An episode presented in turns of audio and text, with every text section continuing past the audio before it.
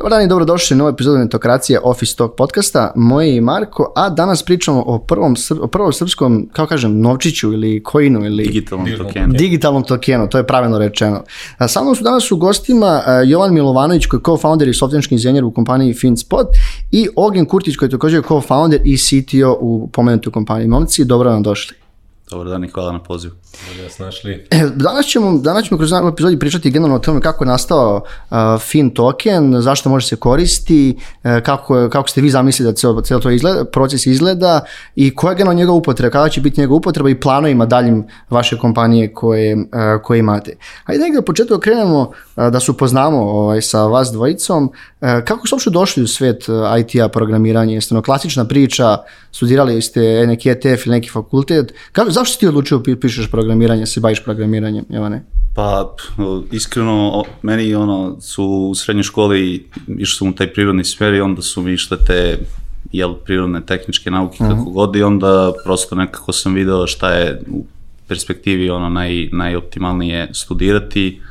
Uh, hteo sam i malo da požem to i sa biznis stranom, pa sam otišao na FON na smer uh, informacijni sistemi i tehnologije i ovaj tako sam prosto ušao u svet. Nisam imao neki ono, da kažem, predo, predodređeni put, ovaj, prosto sam tako vago između različitih opcija, generalno u tom tehničkom domenu i eto, izbrao sam, izbrao sam taj put i tako to je. Ognjen, jesi ti isto fonovac? Jesam, jesam, da. Meni, Aha, je, meni, dobro, je, meni je Ćale u IT-u, on je još 90-ih imao firmu za, za programiranje. Pionirski, onako u Srbiji, to je tad počinjalo uglavnom i onda sam kroz to u stvari ušao u, u priču oko programiranja. Da, trebali smo zvati Čaleta, iskreno, da volim to, poznam te ljude koji su baš u programiranju od su prvi, 90-ih i da, tih da. godina i to. To je toliko cool, zato što s vremena na vreme pozove ima neki problem, razumeš, i dalje radio. Aha, E, kako da rešimo ovaj connection string i tako Pa da, i moja, moja, moja keva isto zove, ej, gde nađem moj link? Kao dobro. Znači, roditelji zovu za različite, za različite stvari, kako vam treba.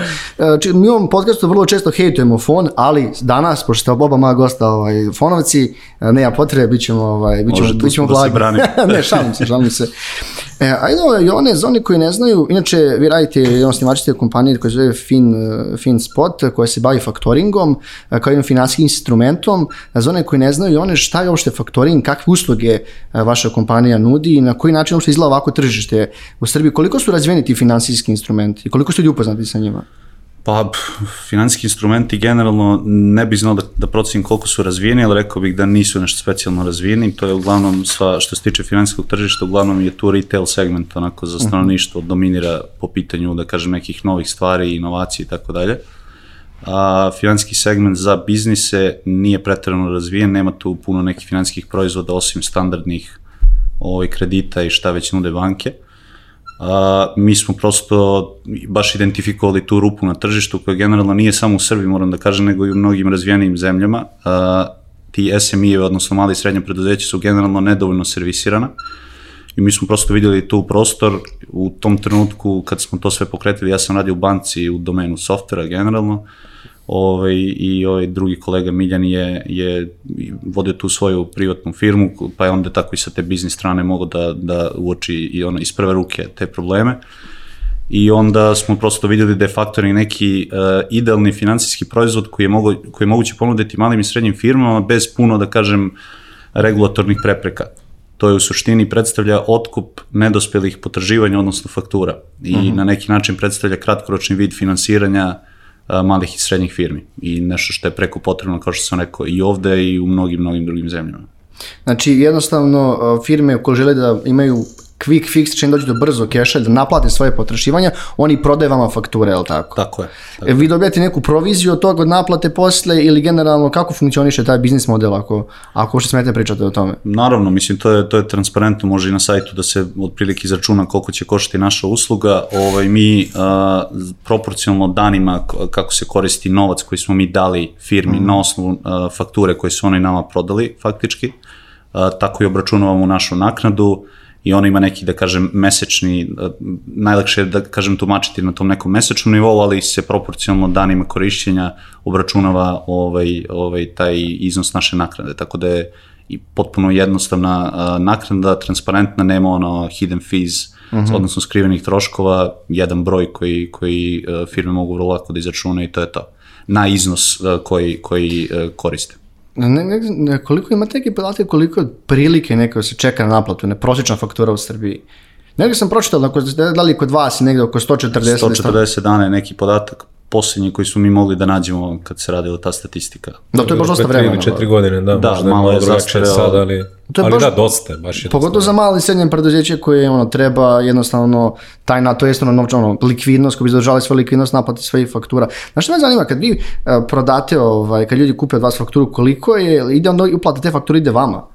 Čisto me zanima oko tih stvari, koliko generalno imate problem u naplati, u naplati daljih tih potraživanja, jer to vrlo često danas se desi, znači, znaš kakvi su u Srbiji vrlo često klijenti, nećemo da platimo, platit ću sutra, platit ću za mjesec dana i to. Generalno je takvo mišljenje, ono, tako da kažem, neki sentiment što se tiče tog B2B poslovanja, međutim, mi smo, ceo proces smo dizajnirali tako i implementirali milijardu nekih alata i u domenu riska prvenstveno, koji služe zapravo da procene koja je nama šansa da se to vrati kad treba. Tako da Aha. postoji tu niz i alata i softverskih i ljudskih, da kažem, faktora koji, uh, da kažem, analiziraju i računaju koja je to šansa da se mi zapravo naplatimo na vreme i da kažem da za sad dobro gađamo te neke naše procene. Da. Postoji, e, mislim, naravno, kao i svakoj privredi imaš ono kvalitetnije i manje kvalitetne firme. Nama je ideja da plasiramo novac ka firmama koje znaju zašto je faktoring dobar. Faktoring nije jed, e, jeftin proizvod i njega ne treba da uzimaš faktoring ako će taj novac samo da ti stoji na računu, jer samo ćeš da plaćaš. Znači, to uzimaš kada imaš priliku da negde taj novac uposliš i da zaradiš više nego što, što na kraju platiš naknadu. Tako da se svodi na to da biraš kome daješ novac i ako dobro biraš, onda nemaš taj problem da, da ima kašnje. Mislim, naravno uvek ima izuzetaka, ali u suštini Mi, ovaj, mi imamo sreće, mi smo mediji, pa ljudi jednostavno moraju da plate na vreme. Mislim, ja, eto, ja sam mislim tu koliko šest godina i vrlo često neki šp- drugari i prijatelji koji imaju firme imaju taj problem sa naplatom, ja mislim da nijednu, nijednu nijedan problem nismo imali za šest godina naplate. Opet mi radimo dosta sa ozbiljnim firmama, možda imaju do toga, ili se ljudi ono kao nisu mediji bolje plati na vreme nego vidiš da dobra ovaj, ideja za naplatu. da. E, hajde ukratko još malo ognjeno ovaj, o FinSpotu. Kada je nastala kompanija, kolikom trenutku imate zaposlenih, tako čisto e, neke osnovne stvari. E, Dobro da dodatno poznamo naše ove slušalci sa vama. Da, da, da, jasno. E, Jovan je već pomenuo, Jovan i Miljan, ko, dva, dvoje ko, koosnivača su se e, našli negde 2018. godine sa tom nekom osnovnom idejom da se pravi nekakav marketplace gde bi se fakture ovaj, nudile dalje bankama da ih one finansiraju korišćenjem nekih tad jako naprednih tehnologija poput Hyperledgera. ovaj, I onda sam se ja ubrzo priključio i onda smo krenuli da malo pivotiramo, pošto smo pričali puno sa bankama, sa faktoring kućama, shvatili smo da teško je kod banaka prodati neku takvu ideju, jer oni imaju svoje ono, uređene sisteme kako rade, centri odlučivanja uglavnom nisu u zemlji. Ovaj, I onda smo rešili da u stvari bolje da pivotiramo i da mi postanemo faktoring kuće, da sami finansiramo. Krenuli, razvijali smo taj proizvod pa do 2020. recimo, konstantno smo radili na njemu, ali smo sa strane uzimali neke projekte koji su bili nevezani da bi mogli ovaj, da, da, Finansirate plivamo, sve da, po strane, da da. finansiramo, tako je. I 2020. nam se priključuje seed investitor uh, i sa njegovim novcem i sa novcem koji smo mi kao kosnivači uneli smo mogli da apliciramo za licencu. Znači mi smo do 2020. poslovali kao firma Between, a onda smo napravili novu firmu Finspot koja se prijavila za licencu. Znači da se bavio tim instrumentima moraš da budeš ovlašćen od neke Moraš da dobiješ licencu Ministarstva financija, tako je. I tu licencu dobijamo, ja mislim, u decembru 2020. I onda 2021. 15. januara smo finansirali prvu, uh, prvu fakturu. Ekstra. I kako izgleda do sad? Je li, imate neki tačne, neke neke brojke, koliko je faktura ili koliko je klijenata uh, ste do sada imali? Imamo oko, oko stotinu klijenata iz, iz, cele, iz cele Srbije. Ja mislim da je brojka sad negde oko 9 miliona eura Pa u- blizu 9 miliona eura finansiranih faktura do u sada. ukupnom prometu svih faktura s koje smo finansirali. Neki prosek fakture koje finansiramo je oko 3.500 eura. Uh, najbrže što smo uspeli da odradimo jednu transakciju ispod 3 minuta. Uh, uglavnom uspevamo svim klijentima da ponudimo prvim koji tek dođu i da za 24 sata mogu da imaju novac na računu. Ako, ako Pa dobro, vi ste isto biznis koji treba da ima radno dosta keša da bi mogli u ovom trenutku da bi ono mogli da isfinansirate uh, vaše, vaše korisnike. Uh, često, ka, kakvi su znači ti kažemo pričamo o korisnicima, to male srednje, male srednje preduzeća, ali postoji neka industrija koja posebno koristi vaše usluge ili ne znam da li je to ne znam, turizam, aviju ili ne znam, ono, prehrambena industrija, ali postoji ono ili su iz raznih industrija uh, su vaši korisnici? To je vrlo zanimljivo zato što smo mi, mi kad smo kretali, procenjivali smo da ćemo, da ćemo imati najviše klijenata iz domena trgovine uh -huh. i da će najviše biti klijenata iz Beograda.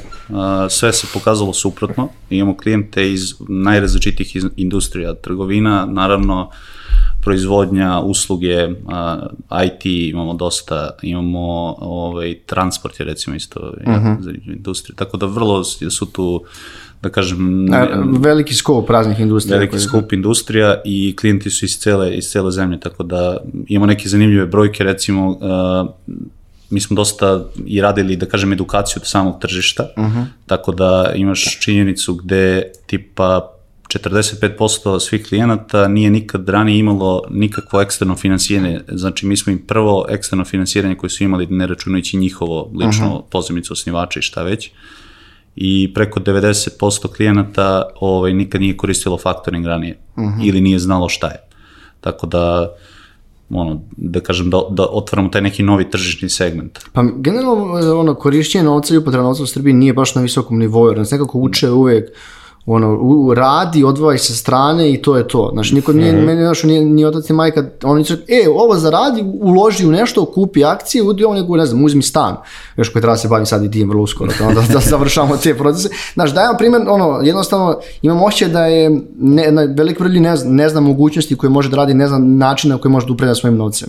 Znaš, pogotovo za nekim uslugama, e, može neko da naravno da, da isplati moje potraživanje i ostalo stvari. Da, da, da, da, definitivno. Da, ima puno nepoverenja i generalno ta kultura investiranja nije, nije razvijena, onoliko koliko bi mi volili. Da, i još, još, još baš da ostavimo, kao, baš pričamo, jer se ljudi sami javljali, imate neke sales procese, ono, ljudi, ono, kao spomenuo se edukaciju, edukaciju je dobra da privučeš klijente, kako ljudi najčešće čuju za vas? Ili Matija, ste, ste radili taj feedback, kako neko čuje za vas? Da li to ono word of mouth ili jednostavno, pogotovo, sad ste već tu dve godine, da? Uh, pa inicijalno je to bil, su to bili neki direct sales kanali, uh mhm. -huh. pošto niko živ nije čuo za nas u tom trenutku, ovaj, ali vrlo brzo je to postalo word of mouth, što se kasnije preselilo i, i uh, većinskim delom, ja mislim sad na online. Uh mhm. -huh. Tako da sad malte ne mislim da nemamo uopšte direct sales uh, kako se zove kanale, već su to word of mouth i, i Internet online. da. da. S tim što moramo da ograničavamo kampanje online s obzirom na taj problem kapitala, ne mhm. možemo, potreba na tržištu je ogromna i ne možemo da ispunimo svoje, onda moramo da ograničavamo kampanje. Da, ne možete da uzmete, ne možete raditi sa svima drugim. Ne možemo da prihvatimo sve klijente. Da. da, da, mislim, to je, kažem, to je neki čudni, na, nama je donekle to, ovaj, ne kažem, problem, mi ne, isto, ne možemo da radimo sa svima, smo mali tim, i onda ne možeš da izdeliveraš sve. A da. hoćeš da budeš kvalitetan, ba, bar je tako od nas, ali opet drugačiji smo industrije, e, drugačije smo skroz. E, momci, mi smo, ovaj, neka zamisa jeste, što smo zvali, jeste, e, da li je to bilo krajem maja ili početkom juna, vi ćete mi ispraviti kada izađe informacija da je Hartija Vrednosti dobrila upotrebu prvog digitalnog tokena koji je napravljen u Srbiji, e, to je vaš token, Uh, hajde pričamo o baš tom odobrenom tokenu, uh, kako ste došli na ovu ideju, um, koliko tokena će biti pušteno u prodaju, kad kreće prodaja i gde možemo da kupimo ovaj token. Čisto krenemo negde od početka, kako je, došla, kako je nastala uopšte ideja iza cijela ovog? Mi smo u, u tom periodu 2019. kad smo radili te razne projekte o kojima sam pričao, ovaj, tad smo radili sa, sa jednom kućom iz, iz Nemačke, koji su onako baš u blockchainu dosta dugo, ovaj, rade razne projekte i onda smo radili za njih jedan projekat tokenizacije real estate-a. Mislim, to je, za taj period je to napred bio projekat, zato što jednostavno tržište nije bilo spremno za njega, ali smo tu onako imali neki prvi veći kontakt sa, sa tokenizacijom. I onda smo uh, se prijavili za jedan akcelerator na nivou Evropske unije u okviru onog programa Horizon 2020, koji se zvao mm. Bloka Yes, gde smo u konkurenciji 150 startupa iz čitave Evrope uh, dobili equity free grant da, da napravimo tu taj jedan kao proof of concept, tokenizacija faktura. Jer nekako smo uvek imali, u, bavimo se financijama, znači mi smo uh -huh. u mhm. tom sektoru, blockchain unosi sad neverovatno mnogo inovacije u, u, u taj prostor. Prvenstveno transparentnosti, da za, sa raznim, sa, sa raznih strana i onda smo shvatili da je dobro da čak i ako sad trenutno to možda ne možemo da monetizujemo, ta 2019. da budemo u, u toku, da vidimo šta se dešava i znači napravili smo taj projekat, uzeli smo taj grant i bukvalno nakon nekoliko meseci smo čuli za nacrt zakona, pročitali ga i shvatili da u stvari bi ovo moglo uz neka manja prilagođavanja da, da, da funkcioniše legalno od u zemlji.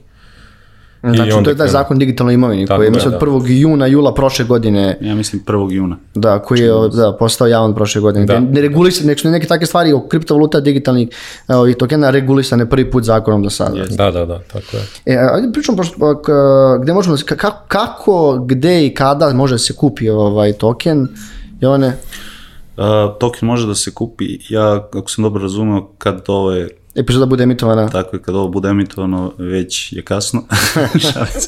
uh, ove, inicijalna ponuda je počela, zvanično počinje 15. juna u 8 sati. Uh -huh. uh, ovaj, potrebno je da se pre toga investitori zainteresovani prođu proces registracije i akreditacije od strane nas.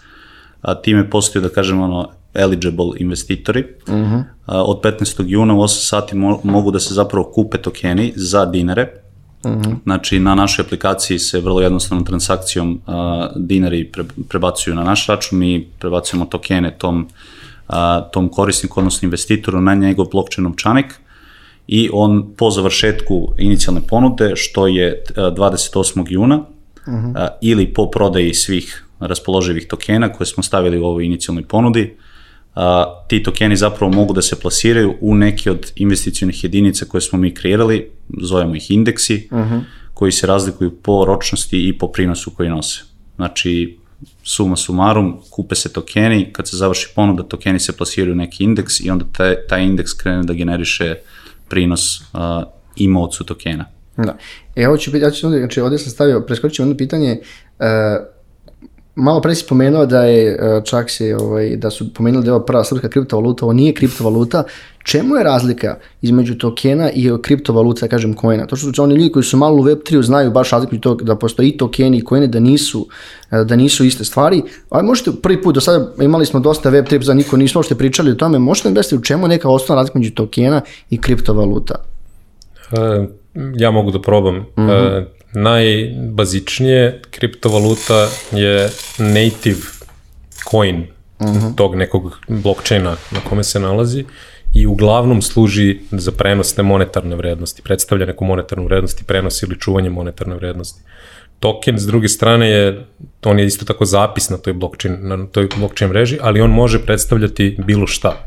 Uh mhm. -huh. Može predstavljati pravo na učešće u profitu, može predstavljati pravo da koristiš neku uslugu, uh, može predstavljati kao, na primjer, NFT-a označavanje vlasništva, uh mhm. -huh. e, to je jedinstveno označavanje u digitalnom svetu, tako da je mnogo širi Koncept. širi opsek toga šta, šta token može da predstavlja. Ali kad, kad razmišljaš o kriptovaluti, razmišljaš o pandanu za novac. Uh mhm. -huh. Najčešće. Kako ste vi, o, o, kako ste odredili vrednost vašeg tokena i kako generalno zakon digitalno prepoznaje vaš ovaj token?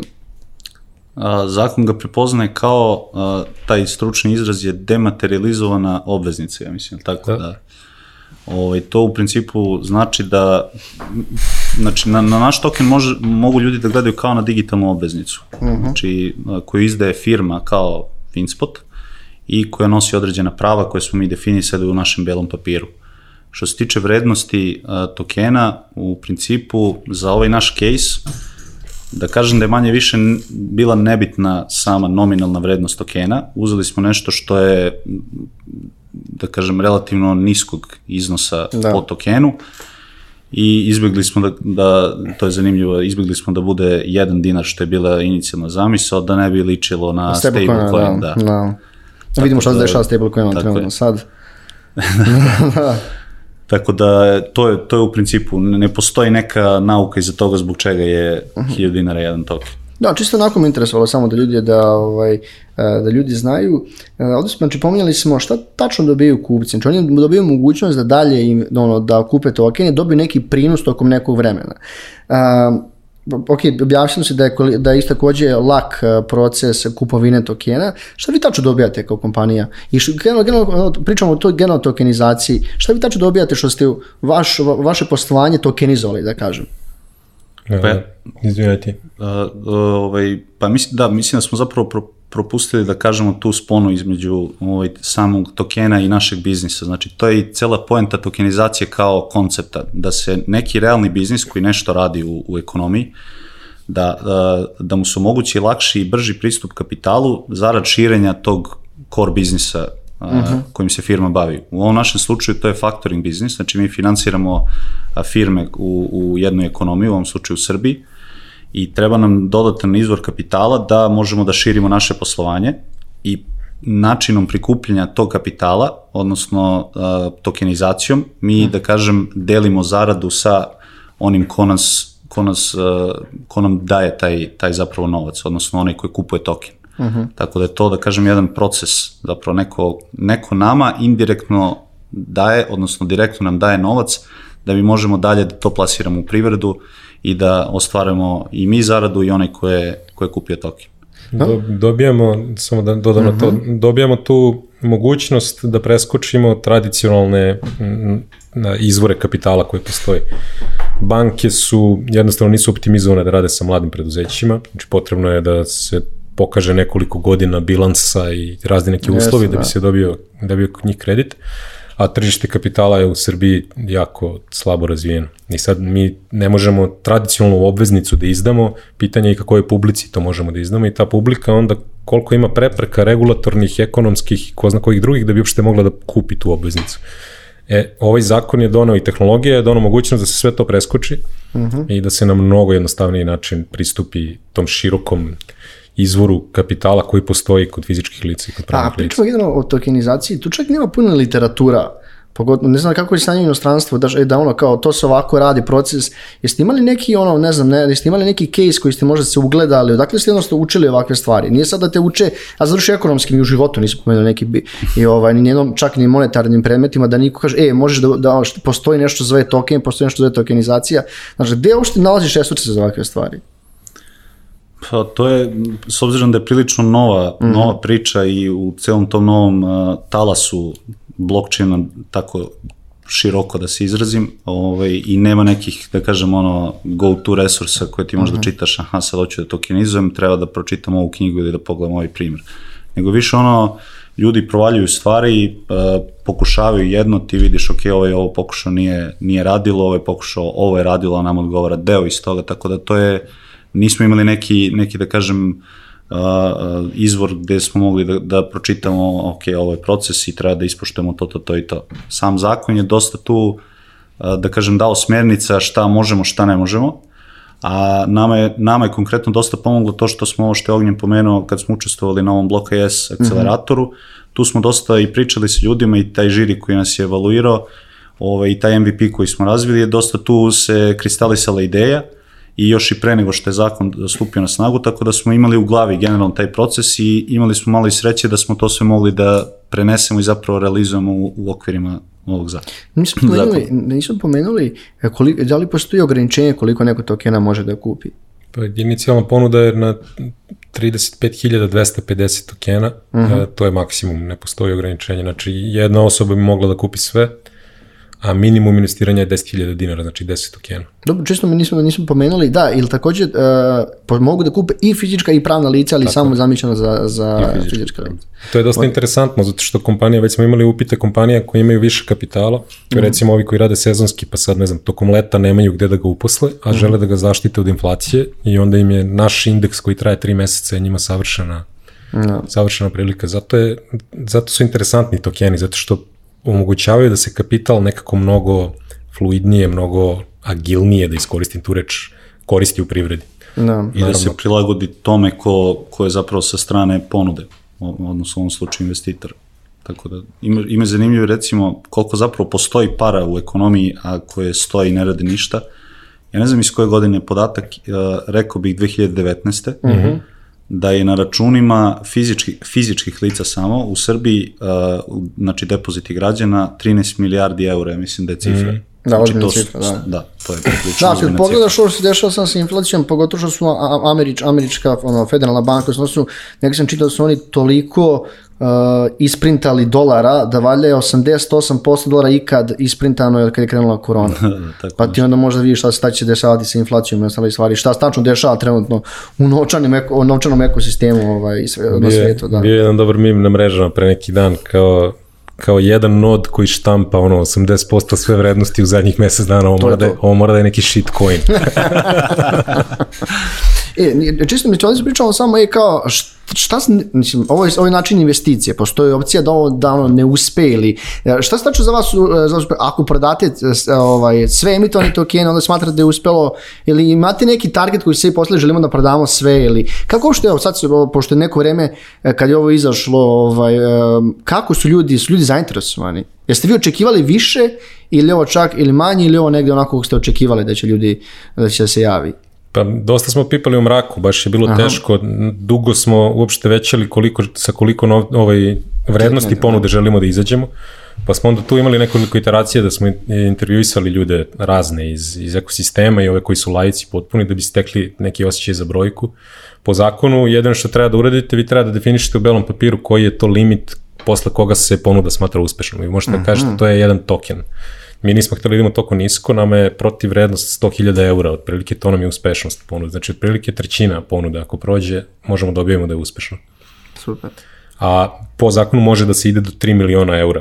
Mm -hmm. Mi nismo hteli da idemo s tom velikom brojkom, zato što uzimamo onaj startup pristup, MVP, znači pokušavamo da istražimo s jedne strane da bi videli kakvo je interesovanje tržišta, a s druge strane da bi videli da što e, bolje prođemo sa regulatorom. Jer da smo mi sad krenuli ono, da pucamo iz svih oružja sa nekim tokenom koji ne znam kakve sve funkcionalnosti ima, do 3 miliona regulator bi mogao da nađe nešto i da zaustavi projekat ili da ga uspori. Znam, vrlo često našom metoli, nemoj da, budeš, da ne budeš na radaru ovaj, naših državnih institucija. Pa da, njima je novo, stvari, znači da. mi smo recimo u saradnji s komisijom dolazili do pitanja na koje ni oni nisu znali odgovor, zato što nema prakse nikakve. I onda smo tu zajednički dolazili do nekih... Da se baš nam se iznenadujemo odgovorom, da naša država kad nek uvodi nešto, nešto novo, da ljudi koji rade vrlo često ne znaju. Ovaj, E, da. Samo, znači, komisija je bila jako dobra, jako, Da. znači tu je Lana Janković je vodila tim koji je radio naš zahtev i on, njih ta saradnja je bila savršena, znači mi smo mnogo komunikacije imali s njom, ona je... Znači, dosta, ja samo ste pitam, zadovoljni ste kako su, kako da, je sve da, odrađeno? da, da, da, da, definitivno. Zato što, kad pričamo malo o zakonu o digitalnom imovinu, je, uh, generalno vaše neko mišljenje, pošto je bilo, uh, ljudi su dosta zadovoljni kako je to napisano, bar industrija. Slažete vi sa tim ili, pogotovo pošto vratno ste više čitali trenutno sad ovaj zakon oko ovih, oko ovih novih stvari nego ja, uh, smatrate nešto moglo bolje da su radi jer su ok radili sve to. Pogotovo što, kao si rekla, mnogo ljudi, da, kao što si rekao, mnogo ljudi dalje ne zna još uh, ono, digitalnu imovinu, šta je uopšte digitalna imovina i ostale stvari. Ja mislim laički da je bio, da je dosta dobar. To on omogućava različite biznis modele, e, znači kao slovo na papiru je dobar, uh -huh. e, to se sve svodi na, na onoga ko implementira zakon. Znači kako će regulatori da se odnose prema njemu. Tu se često pominju na dva principa. Ako ne piše u zakonu, znači da je zabranjeno i onaj suprotni, ako ne piše u zakonu, znači da je dozvoljeno. Uh -huh. Jer nama trebaju regulatori koji su više kao ovom drugom. Da, Jer jasno. onda, onda će, ono, moći će zdrav ekosistem da se E razvije da, oko je, njega. ovo, je, ovo, je ovo prvi dozvoljeni token, znači odobreni token? Ja sam imao činjenica bila priča da je neko pokušavao da napravi ranijih godina, pa da li to nije bilo odobreno, ali sam zaboravio, čak sam i za, mi se zvao Lazar ili tako nešto, dajem, baš ne, po, pokušam iz malog mozga da izvučem, ovaj, jel znate možda nešto više o tome? O tim nekim koji su pokušani da se urade i to. Ja znam da, da taj, taj je bio Lazar, to je bilo kao neki pokušaj kriptovalute neki, pa je to banka. Ili stablecoin. Ja, ja, da. ja, meni, meni je to isto tako malo mozgu da se nekad pročiti da je to vrlo brzo karakterisano kao neki scam, fraud. Tako nešto je bilo, da, da, da. Narodna banka se proglasila nadležnom, e, znači tehnički ispravno je reći, ovo je prvi digitalni token za koji je odobreno objavljivanje belog papira. E, da, to je znači, Ti možeš da izdaš token i bez, bez tog koraka, ali onda imaš ograničen si recimo da može ne znam dokle je limit, 10 ili, ili 100.000 eura, uh -huh. to treba pogledati u zakonu, nisam siguran. Ako želiš da, da, ga, da ideš do 3 miliona, ako želiš da to reklamiraš, onda moraš da imaš odobrenje. A uh -huh. taj Lazar, ja mislim da su oni, čim je stupio zakon na snagu, oni su odmah probali bez belog papira da izbace neki stable coin ili nešto slično, uh -huh. Narodna banka se odmah javila da to nije da nije ispoštovana procedura i zakona i mislim da je to stalo. Da, tako, mislim bolje, bolje tako nego da ono neko kupi i potroši brdo para na neke neproverene projekte, pogotovo što generalno kada je kripto opet ne, ne spati baš tu industriju što ima mnogo neproverenih projekata, pogotovo ono Apsolutno. da li NFT ili neki shitcoin, ko zna koliko ih je bilo i koliko će ih biti. Pa čak i neki provereni, ako ste ispratili što se dešava sa ovom Terom, Lunom i ovo, Da, da, da. bili se, Da, evo da. sad i Celsius od jutros, Mislim, da, da. što je kao velika, veliki projekat koji ono vredi, ne znam, 10 milijardi. Da. ljudi ne mogu pare da izvuku. Ali. Mi smo tu da. u dosta osetljivom trenutku sad, znači sad kako se budu ponašali izdavaoci i kako uh -huh. se mhm. budu ponašali regulatori za tih narednih nekoliko odobravanja, će u stvari definisati gde će ekosistem da ide. Da, mislim da, ću te prekinam, ovaj, mislim da su regulatori tu dosta bitni, jer ti uh mhm, -huh, imaš sve mhm. već sve više više mladih ljudi, on, pogotovo i pametnih i perspektivi i koji žele da razvijaju nešto u IT-u, ulazi u taj kripto svet, država mora da prati. Ja mislim, nema baš čak, čak ni puno država koji ima regulisan zakon, da, kao što je kod nas krenuo. Da. Mi možemo vrlo često da, ono, da, ono, ovaj, da, se, da se pravimo šalne račun države, ali neke stvari su bili, stvarno su na vrijeme uradili, znaš. Sad, da li ti podržavaš sistem ili ne, to je druga stvar, ali neke stvari jesu urađene, urađene su, ono, urađene su na vrijeme. E, da, zove, token se zove FIN, ali tako, FIN token, što nije tipa neki, ne znam, Stojadin ili tako neko ime, onako, neko, Lazar. Pa, aj, Lazar, sad već bilo, neko, znaš, srpsko ime, može, e, to čak i nije loše, da. Ogi, jeste, jeste, jeste ono veća, ali kaj nek se zove FIN, ono, što je jednostavnije u fazonu, to, znaš. Da, to je bilo ono radno ime, bilo Ostalo na kraju radno ime. Ostalo je radno ime. Da, kao tako obično bude. A, pa, pa ne, ono, fin spot, pa fin mm -hmm. financije, tako da ne, ono, to je neki, to je neki da. bio put. Mm -hmm. Gledali smo, mislim da smo potrošili jedno popodne da gledamo kako da, kako da, da ga zovemo. Kreativnost na nivou, to kao mog, mog drugara, on, on, Aleksandar Aleksandra, to je taj fazon, dete se zove Aleksandar pa da, Aleksandra. Lakše da, da. E, pominjao si više puta white paper. One koje to, šta je tačno white paper, koga piše I ovaj, onda smo stavili koliko vremena je bilo potrebno da komisija odobri pročita vaš paper. Ajmo malo detaljnije o tome jer opet nemamo često priliku da pričamo o tome. Uh, ljudi koji su opet u IT industriji znaju šta je tačno white paper. Beli papir je dokument koji treba da opiše sve funkcionalnosti tokena, treba da opiše ceo taj tokenomics, odnosno kako taj, odakle vrednost tom tokenu i kako se ona kreće kroz njegov životni ciklus. Uh, treba da opiše sve rizike, koje, mm -hmm. znači to je kao investitorski prospekt za one koji su u financijama. On treba da da jednu celokupnu sliku e, koja prava i koje rizike investitor ima i snosi kada, kada kupi token, na koji način može da izađe iz tog ekosistema, da li je dozvoljena trgovina između, slobodna trgovina između tih imaoca i tako dalje. Mhm. I njega odobrava komisija, ali kada se podnosi zahtev za beli papir, uh, zahtev se podnosi preko sajta e-uprave i onda uh mhm. -huh. prvo Narodna banka gleda taj zahtev da bi videla da li ima ona neku nadležnost tu. Pošto Narodna banka je zadužena za virtualne valute, a komisija za digitalne tokene. Ako Narodna banka kaže da nije nadležna, onda to ide komisiji. Uh mhm. -huh. Proces sa komisijom, zvanični od podnošenja zahteva do odobrenja je trajao oko mesec dana. To je baš malo. To im je zakonski rok. Aha, da. Ali ta priprema naša i komunikacija je trajala značajno duže, možda četiri meseca sa njima da, uh -huh. da mhm. komuniciramo, da mi imamo neke radne verzije, imamo neke ideje, pričamo sa njima, pokušavamo da... da Jeste ga in-house pisali ili ste imali, ne znam, pomoć nekog pravnika ili ko već piše neke stvari, da... Imali smo pomoć da advokatske kancelarije, Motika Law Office. Mm -hmm. E, malo pomenuli ste neke stvari, uh, nismo što pričali o tome, jel može mi da, jel, kako se dalje, ja kupim toke, šta radim s njim? Jel mogu da ga prodajem dalje, mogu da trgujem, jer hoću da izađem, jer ga vi kupujete nazad. Znaš, čisto, ono, čisto šta se dešava s tim, uopšte nismo pomenjali, oko, nismo što pričali oko toga, ti si ovaj, pomenuo sad.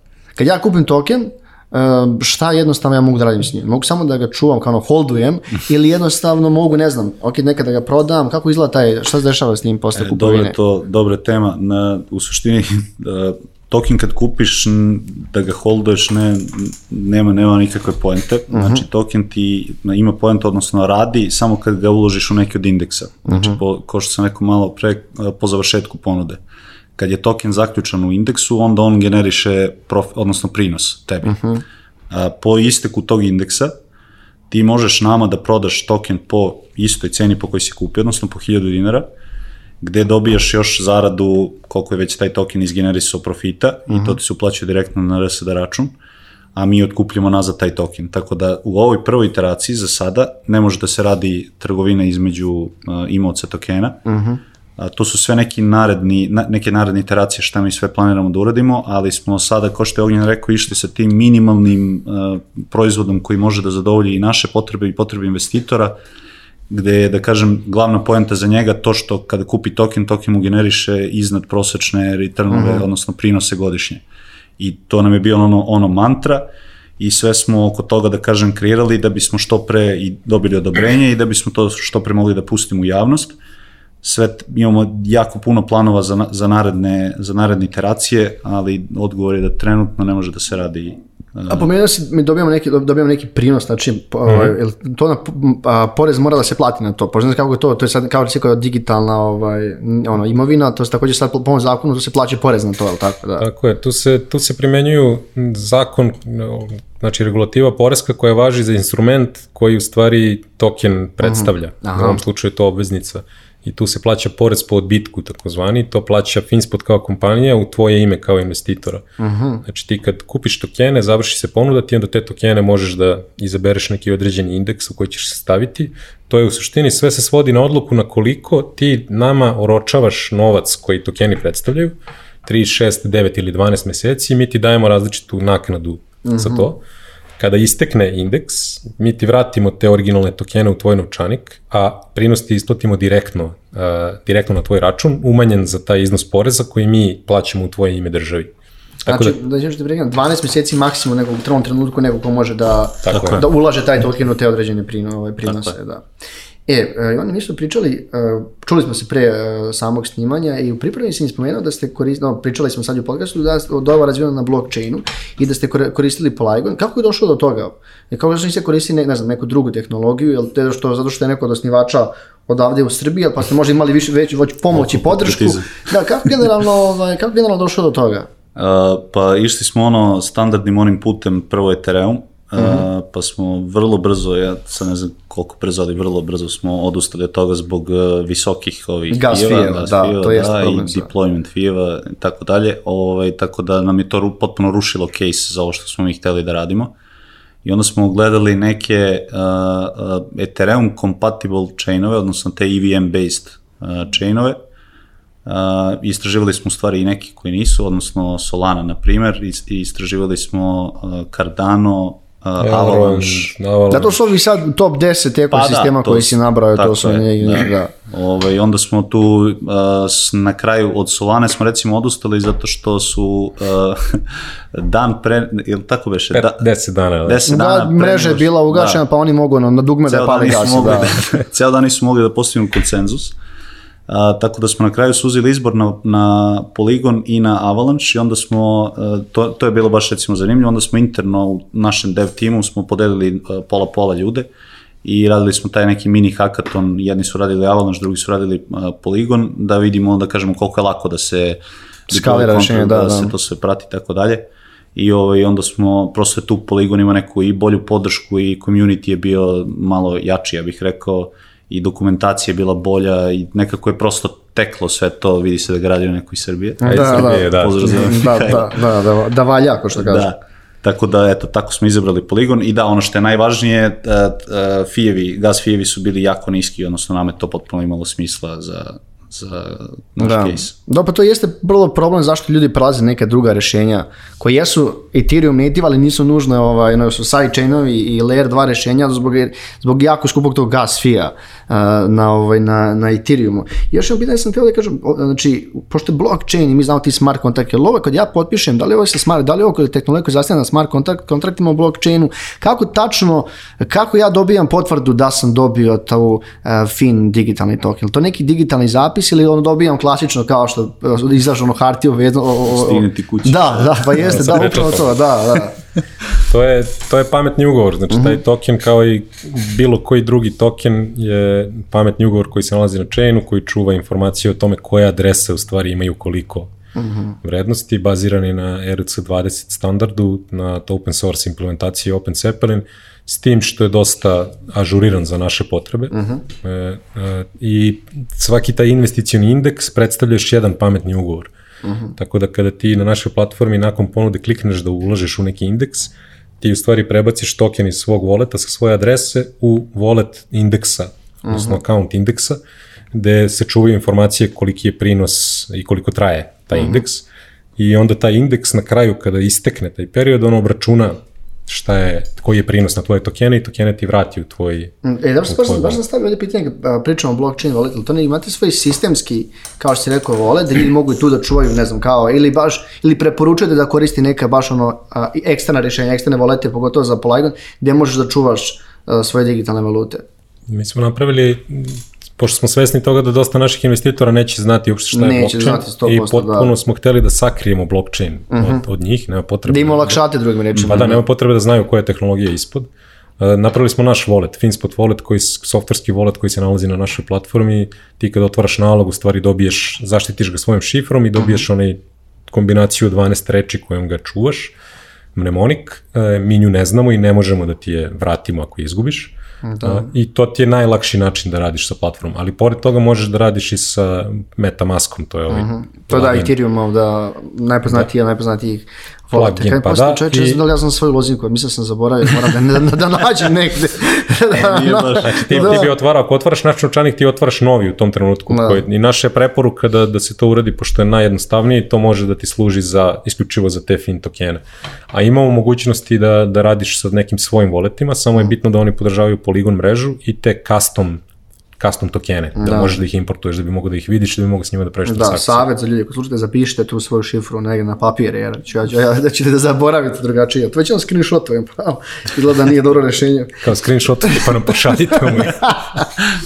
E, pričamo, pričamo o jednom zaista složenom proizvodu, pogotovo po- va- vaši korisnici, kao što rekao, će verovatno biti ono ekipa, ono, da kažem, Web 2 ekipa ljudima koji ovaj, nije poznat toliko po ovaj, blockchain tehnologije i slično. Koliko je bilo teško napraviti ovakav neki proizvod, pogotovo što su nove tehnologije? Ili imate iskustva u, ono, u developmentu, blockchainu? Znaš, ono, uh, jeste imali neke mentore, s kim ste radili, koliko ili imate neše vaše programere koji baš su blockchain programeri? Kako, uopšte, kako ste uopšte napravili proizvod? Pa, mi smo dugo, u- dugo smo aha, u blockchainu, da, da. da. razvijali smo razne projekte, mm -hmm. poslednje, pr- napravili smo čak i jedan blockchain, Base Ledger, mm -hmm. koji se bazira na Tendermintu, on je u maju krenuo live, sad već ima milijun i nešto blokova, to je za jednog klijenta s kojim sarađujemo dugo, tako da smo imali to znanje in-house i ok, onda smo ga bitno, raširili kroz celu firmu, obučili smo i te naše inženjere koji nisu ranije bili u blockchainu, Tako da je sve bilo in-house uglavnom i to nam je omogućilo da budemo, da, da efikasno možemo da napravimo nešto tako, jer to je generalno dosta skupa, skupa investicija. Pa jeste, za, i nema puno projekata, mada je Srbija, pričali smo pre toga i sve jače i jače u tom blockchainu, ali e, zvo zaista zvuči zanimljivo i mislim da mislim da će biti super proizvod. E, ostavio sam negdje pri kraju, a vaše individualno, vaše individualno viđenje Web3 sveta i kriptovaluta, ali nekog ste već dugo u blockchainu, verovatno dugo veruje, ono, verujete da je to ono budućnost. Šta, ti, šta mi je neka vaša lična mišljenja o tome? Ćeš ti prvi ili?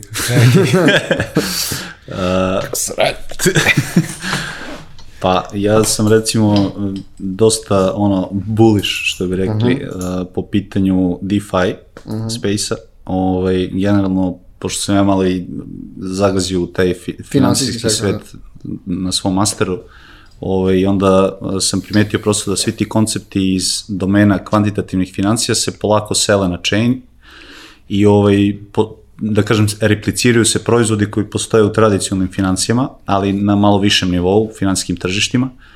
Ovaj, tako da mislim da će tu biti možda najveći onako, uh, najve, naj, najveća primenjivost uh, Pa trenutno već jeste. Web3 sve. Da, da. Jeste trenutno, da, samo što će se po mom mišljenju raširiti, ne samo u ovom retail segmentu, nego u smislu ti odeš i stejkoš neki kripto i to ti pravi neki. Mm. Pare, da. Da, nego i u nekim, uh, uh, kako bih rekao, institu, na institucionalnom nivou. Pa Polygon je recimo dobar primer kako oni, to si pomenuo i kad smo pričali pre emisije, da kako oni recimo imaju neke targete sa, da, da sarađuju sa ovim nekim tradicionalnim uh, institucijama i finansijskim i nefinancijskim. Ovaj, tako da ja nekako vidim tu najveći, najveći a, kako bih rekao, najveću primjenu i mislim da ima dosta ja, veliki potencijal.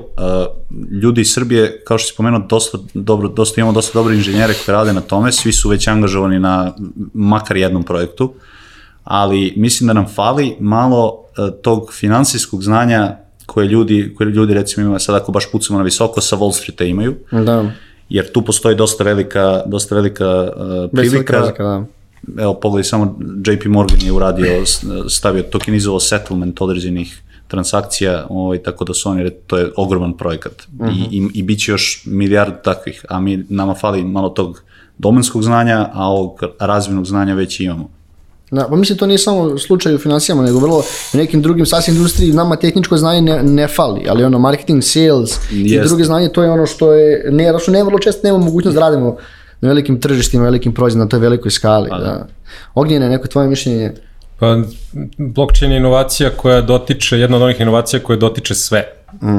mislim sve, ali skoro sve. I ovaj, tek ćemo da vidimo, mislim da ljudi nisu svesni kakva revolucija se u pozadini dešava. Bez obzira na ove talase dnevne koje možeš imati sa vrednošću, da će ona da pad sad i kao vesti Celsius za tri meseca Jasno. neće biti, verovatno.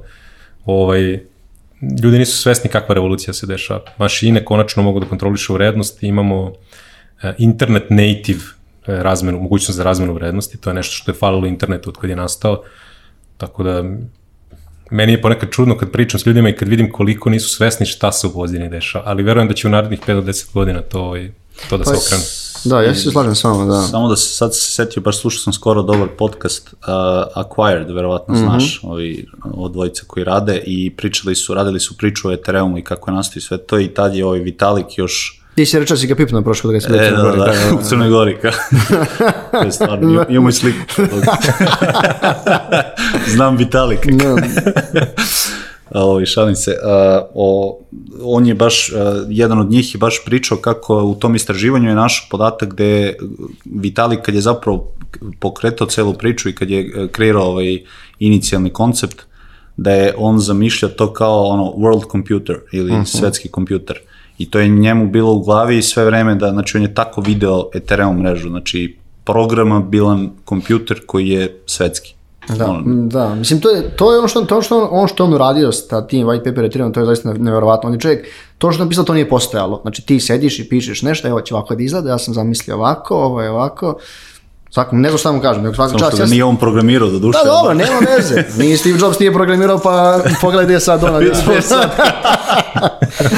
e, o, ja slažem s vama, mislim da je ovaj, blockchain tu da promeni mnogo stvari i volim da pričam ljudima iz blockchain industrije, imaju taj ono je neki vizionarski efekat i znaš, imaju nešto što ih vozi, znaš, ljudi koji su vrlo često u sasu ili ne, ne rade ove klasične proizvode, on ima svega preko glave čoveče, znaš, ne mogu više ništa, i, znaš, fali im tog nekog entuzijazma za pokretanje nekih novih proizvoda i stvari. I još jedno pitanje, planovi za naredni e, period e, vaše kompanije? A da kažemo neki naredni godina, šta mi neki, naredni godinu dana, imate neke baš ocrtane planove šta želite da uradite? E, Runda investiranja nam je otvorena trenutno, e, želimo da je zatvorimo čim pre i da, da pojačamo biznis u Srbiji, što se tiče ovog, da nazovem tradicionalnog faktoringa, mada nije tradicionalan, a, i da onda se raširimo u, gledamo sad Hrvatsku, gledamo Sloveniju, znači da počnemo da napadamo region, posebno te zemlje koje mogu da nam posluže kao ulaz u Europsku uniju. A što se tiče tokenizacije, čekamo, znači su, kad se ponuda desi, kad se završi, ako to sve prođe kako treba, onda imamo plan da napravimo jednu mnogo veću, sa nekim dodatnim funkcionalnostima gdje bi, gde bi bilo mnogo više slobode u, u, u razmeni tokena. A, I onda sky's the limit. I dosta da razmišljamo o toj nekoj, da kažem, široj primjeni tokenizacije i generalno, ajde da kažem sad DeFi, u DeFi domenu, jer imamo, da kažem, u firmi dva glavna znanja, finansijsko i tehničko, tako da imamo dosta neke velike ambicije šta želimo da radimo ono, u budućnosti u tom, u tom domenu. Nama je, nama je, s ovim ću da završim, uh -huh. nama je dosta interesantan taj spoj uh, blockchaina i privrede i mislimo da će u stvari kad privreda počne da prihvata kripto, da će to da bude taj moment koji je turning point kada on postaje svuda uh, zastupljen i onda gledamo koje su to mogućnosti, pošto inače misija nam je da pomažemo malim i srednjim preduzećima da nađu nove izvore finansiranja, faktoring je jedan, jedan alat, tokenizacija je drugi, uh, tu istražujemo stalno taj prostor da vidimo kako je možemo kako tu možemo da pomognemo. E, Jovan Ognjene, hvala vam puno što ste bili naši gosti, ja sam zaista uživao i nadam se da će ovo sve prođe kako treba, ovaj, kao što ste zamislili. A ako budete, ako su vam informacije javno u novim finansiranja kojim si objavio, slobodno javite pa ćemo da pustimo ovaj, i vest o tome koliko, koliko ste stvari javne. A vam, dragi gledalci, hvala što ostali s nama do kraja ove epizode. E, Office Talks podcast možete pratiti na YouTube i na svim drugim streaming platformama poput Spotify, Deezera, Apple Cast, i Apple Cast i svih drugih. I još jednom hvala što ostali s nama do kraja epizode. Pozdrav!